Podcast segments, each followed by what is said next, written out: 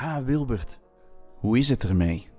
Ik moest laatst weer aan je denken toen ik een Dalmatiër zag. Daar was je enorm fan van. Kwam dat eigenlijk door die animatiefilm? Of hou je gewoon van honden met stippen?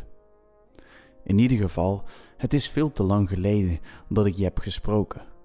Ja, dat komt ook vooral door mijn eigen gedrag, dat snap ik zelf ook wel. Ik ben natuurlijk niet weggestuurd bij de fanfare omdat het allemaal zo lekker ging. Heb jij trouwens nog contact met Leo? Ik heb echt spijt dat ik mijn trompet naar zijn hoofd heb gegooid. Maar hij vroeg er wel om. Ik zou heel graag weer eens een borrel met je pakken en naar je zeemanslieder op accordeon willen luisteren. Ik hoor graag hoe je erover denkt. Vriendelijke en muzikale groet. Martin. Beste Martin, wat leuk om weer eens van je te horen. Het klopt dat ik enorm van Dalmatiërs houd, maar dat komt niet door die film. Ik ben opgegroeid op een boerderij tussen de koeien. En ik vind hun zwart-witte vlekken schitterend. Maar ja, een koe in de stad, dat kan natuurlijk niet. Dan komt een Dalmatiër nog het meest in de buurt. Afijn. Met Leo gaat het niet zo goed. Hij is nog steeds boos op je. Hij had het al aan zijn hart en na het trompetincident ging het niet veel beter. Hij speelt nog wel mee, maar marcheren zit er niet meer in. Trouwens, je hebt niet alleen Leo de stuipen op het lijf gejaagd. Ik heb mijn trombone uit moeten laten deuken nadat je hem had omgegooid. Dat heeft me een flinke duit gekost, dat zul je toch wel weten. Het is niet zo netjes dat je die kosten niet voor je rekening hebt genomen. Zeemansliederen op accordeon klinken aanlokkelijk, maar ik weet niet zeker of ik dit trauma al helemaal te boven ben gekomen. Met wijfelachtige groet, Wilbert.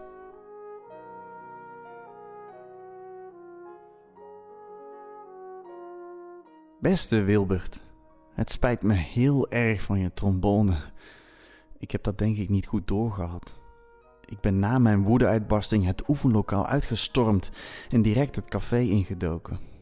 Daar heb ik de nodige jenevertjes wel genuttigd. En verder kan ik me van die avond weinig herinneren. De volgende ochtend werd ik namelijk wakker in de leeshoek van de bibliotheek door een schreeuwende mevrouw die een kindervoorleesochtend had georganiseerd. Ja, zo gaan die dingen. Je begrijpt misschien dat ik deze dag graag uit mijn geheugen wis.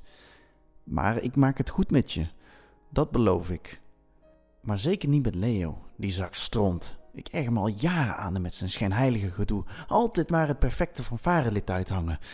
Terwijl ik hem bij de kerstviering met Wilma op het toilet heb betrapt. Je had zijn gezicht eens moeten zien, zeg. Het kan mij trouwens echt geen zak schelen in wie hij zijn dwarswijs steekt. Maar ga niet lopen zeiken met mij. In ieder geval, fijn dat je mij hebt teruggeschreven. Dat doet me erg goed. En ik hoop weer op een brief. Groet, Martin.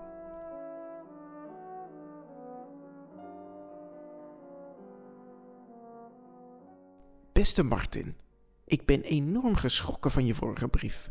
Wat een onthulling. Dit verklaart een hoop. Leo marcheert, zoals ik al zei, niet meer mee vanwege zijn zwakke gezondheid. Wilma blijft dan bij hem om op hem te passen en voor hem te zorgen. Geen wonder dat hij altijd zo vrolijk was als we terugkwamen, die oude viezerik. Leo is toch getrouwd met Gerda? Denk je dat zij ervan af weet? En toen nou, Martin, we weten allebei heel goed dat jij een oogje op Wilma had. En terecht hoor, zoals zij de piccolo bespeelt, daar gaat je hart als gezonde man sneller van kloppen. Dus jouw woedeuitbarsting wordt zo een stuk begrijpelijker. Waarom heb je me dit nooit eerder verteld? Ik had meteen jouw kant gekozen. Maak je maar geen zorgen om die trombone, oude vriend. De liefde kan van alles losmaken, dat begrijpt iedereen. Met hartelijke groet, Wilbert. PS, ik heb bij deze brief een kleine verrassing gestopt om je op te vrolijken. Hopelijk doet het je aan de goede oude tijd denken.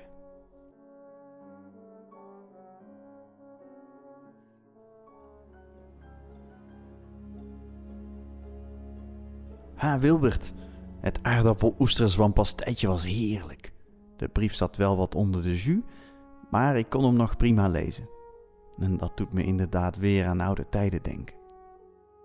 Je legt de vinger op de zere plek. Ik heb inderdaad al jaren een zwak voor Wilma gehad. En het deed af en toe best pijn als ik Leo en Wilma zag. Maar dan dacht ik vooral aan mijn eigen tekortkoming. had ik haar maar een keer de liefde verklaard. En Leo?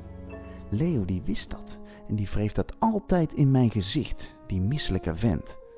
Maar ik heb hoop. Ooit zullen we samen zijn en zal ik haar iedere ochtend, na weer een wilde nacht, want je kent me, wekken met een fijne trompetsolo. Ach, de tijd zal het leren. Fijne groet, Martin. PS. Hoe is je trouwens vergaan bij het kampioenschap Beurlen? Ik ken weinig mensen die een hitsig hert zo goed kunnen nadoen. Ha, Martin.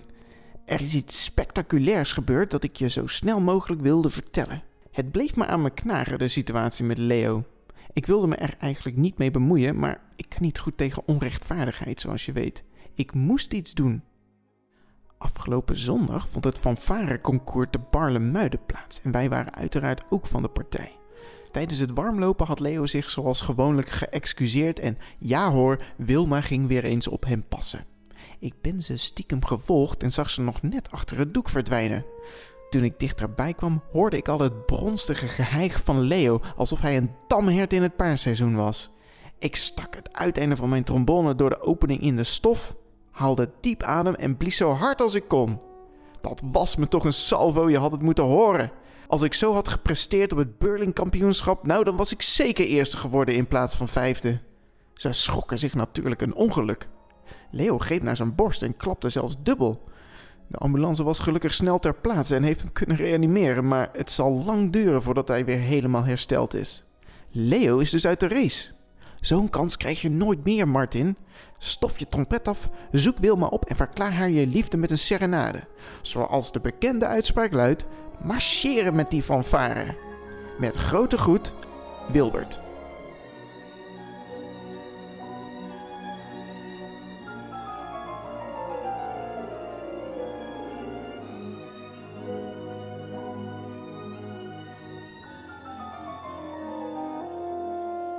Ah, Wilbert, excuses dat ik lang niets meer van heb laten horen. Maar je zult begrijpen dat ik even tijd nodig had om de zaken op een rijtje te zetten. Er is een hoop gebeurd de afgelopen tijd. Allereerst wil Wilma niets meer met mij te maken hebben. En dat doet pijn. Maar misschien is het beter zo. Ik dacht na het lezen van je brief: ik heb maar één kans, dus ik moet een zo groot mogelijk gebaar maken. En voor mij is dat een trompetserenade, net na het weerbericht van het 8 uur journaal. Want wat is er mooier dan de liefde aan Wilma te verklaren, live op televisie, voor heel Nederland.